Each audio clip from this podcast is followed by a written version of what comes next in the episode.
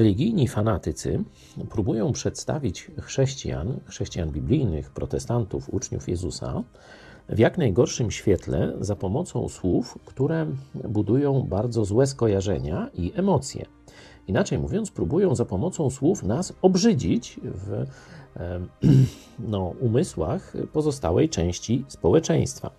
Przykład tego możemy znaleźć w 24 rozdziale dziejów apostolskich, gdzie właśnie ci obłudnicy religijni, fanatycy najpierw oskarżają fałszywie o bluźnierstwa różne apostoła Pawła, potem próbują go zabić, no a potem sprawa trafia przed sąd. I w piątym wersecie znajdujemy właśnie kwintesencję ich sposobu przedstawiania swoich przeciwników religijnych. Mąż ten, chodzi o Pawła, Stwierdziliśmy to bowiem, czyli rzekomo jest to udowodnione, jest rozsadnikiem zarazy i zarzewiem niepokojów wśród wszystkich Żydów na całym świecie i przywódcą sekty Nazarejczyków.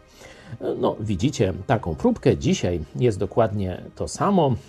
Fanatycy religijni w Polsce tak samo próbują zohydzić nas, chrześcijan. I apostoł Paweł, dalej w 24 rozdziale od 10 wersetu, się broni. I Paweł dokonuje tutaj przeniesienia pola konfliktu. Oni chcą, żeby konflikt dotyczył emocji, takich oskarżeń o bluźnierstwo, czyli coś, co tak ludzi porusza, zamyka rozsądek, czyli bardziej emocje, a mniej rozumu.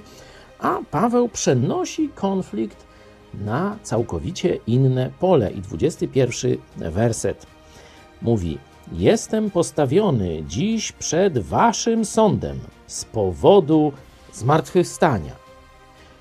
Mówiąc proste prawdy Ewangelii i wykazując fałsz religijnych obłudników, przenosi pole na Jezusa i zmartwychwstanie.